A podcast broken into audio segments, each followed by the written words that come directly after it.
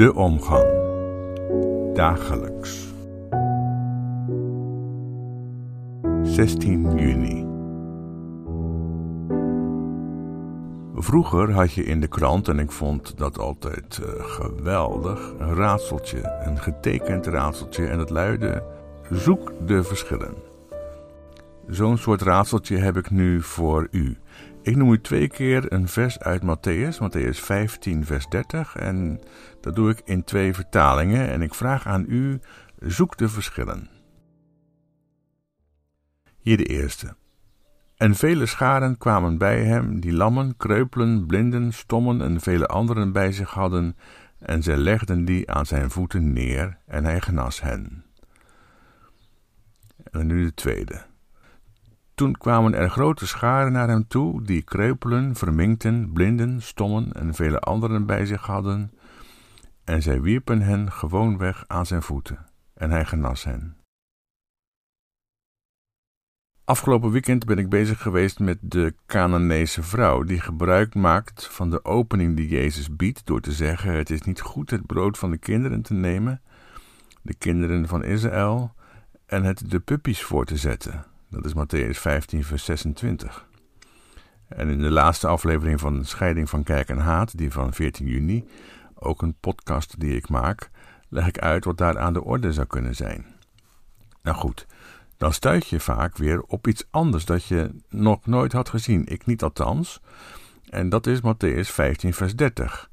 Dus de normale vertalingen hebben dit. En vele scharen kwamen bij hem, die lammen, kreupelen, blinden, stommen en vele anderen bij zich hadden, en zij legden die aan zijn voeten neer, en hij genas hen.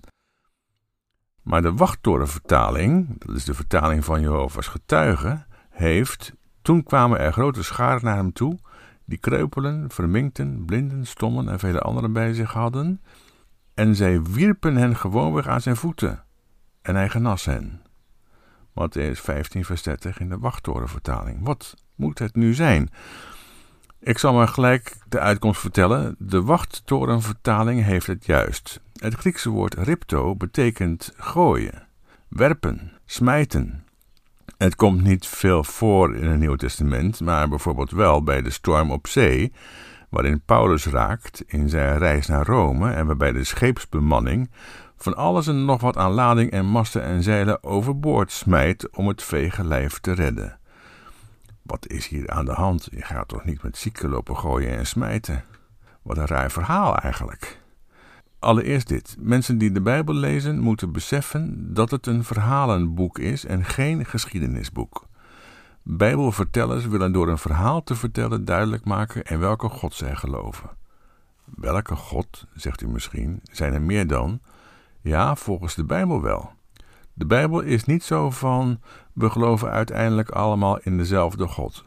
Integendeel, dat vindt de Bijbel juist de grootst mogelijke onzin die er bestaat. We geloven helemaal niet uiteindelijk allemaal in dezelfde God. En als het over Jezus gaat, willen de evangelisten van hem geen wandelende wonderbron maken, maar op zo'n manier een verhaal vertellen dat Jezus iets laat zien van die bijzondere God van Israël. Op het moment waar we nu lezen, bevindt Jezus zich in het buitenland. Het is vlak voor de tweede wonderbare spijziging, waarvan de eerste binnen de grenzen van Israël plaatsvindt en de tweede buiten de grenzen van Israël. En zo wil de verteller aangeven dat die bijzondere God van Israël ook de God van de hele wereld wil zijn.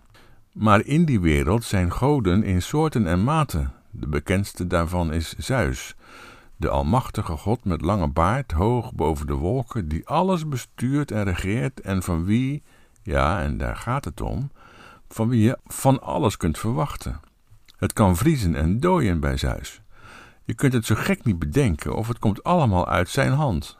Regen en droogte, rijkdom en armoede en dus ook gezondheid en ziekte.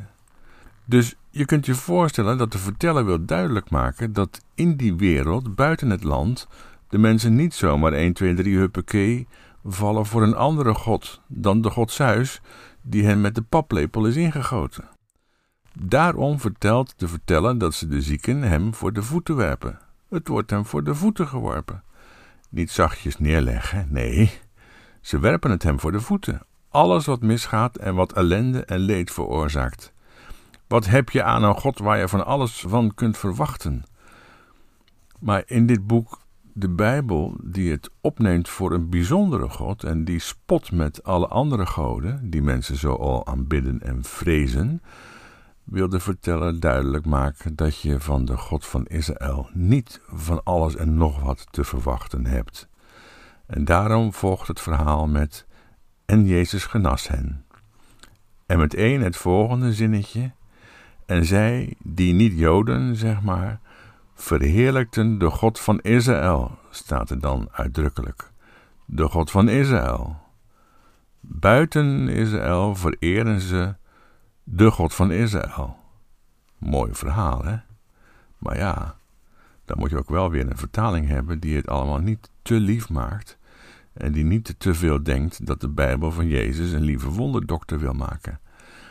De Bijbel wil in Jezus laten zien wat een onzin mensen geloven wanneer ze geloven. En dat als ze geloven, dat toch vrijwel altijd iets is als Zeus of Wodan of Baal.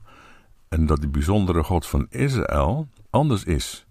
En hoe hij dan is, of zij, want ja, waarom is het niet een zij? Dat je die niet kunt bedenken, maar dat die jou moet worden geopenbaard, duidelijk gemaakt, door een verhaal te vertellen.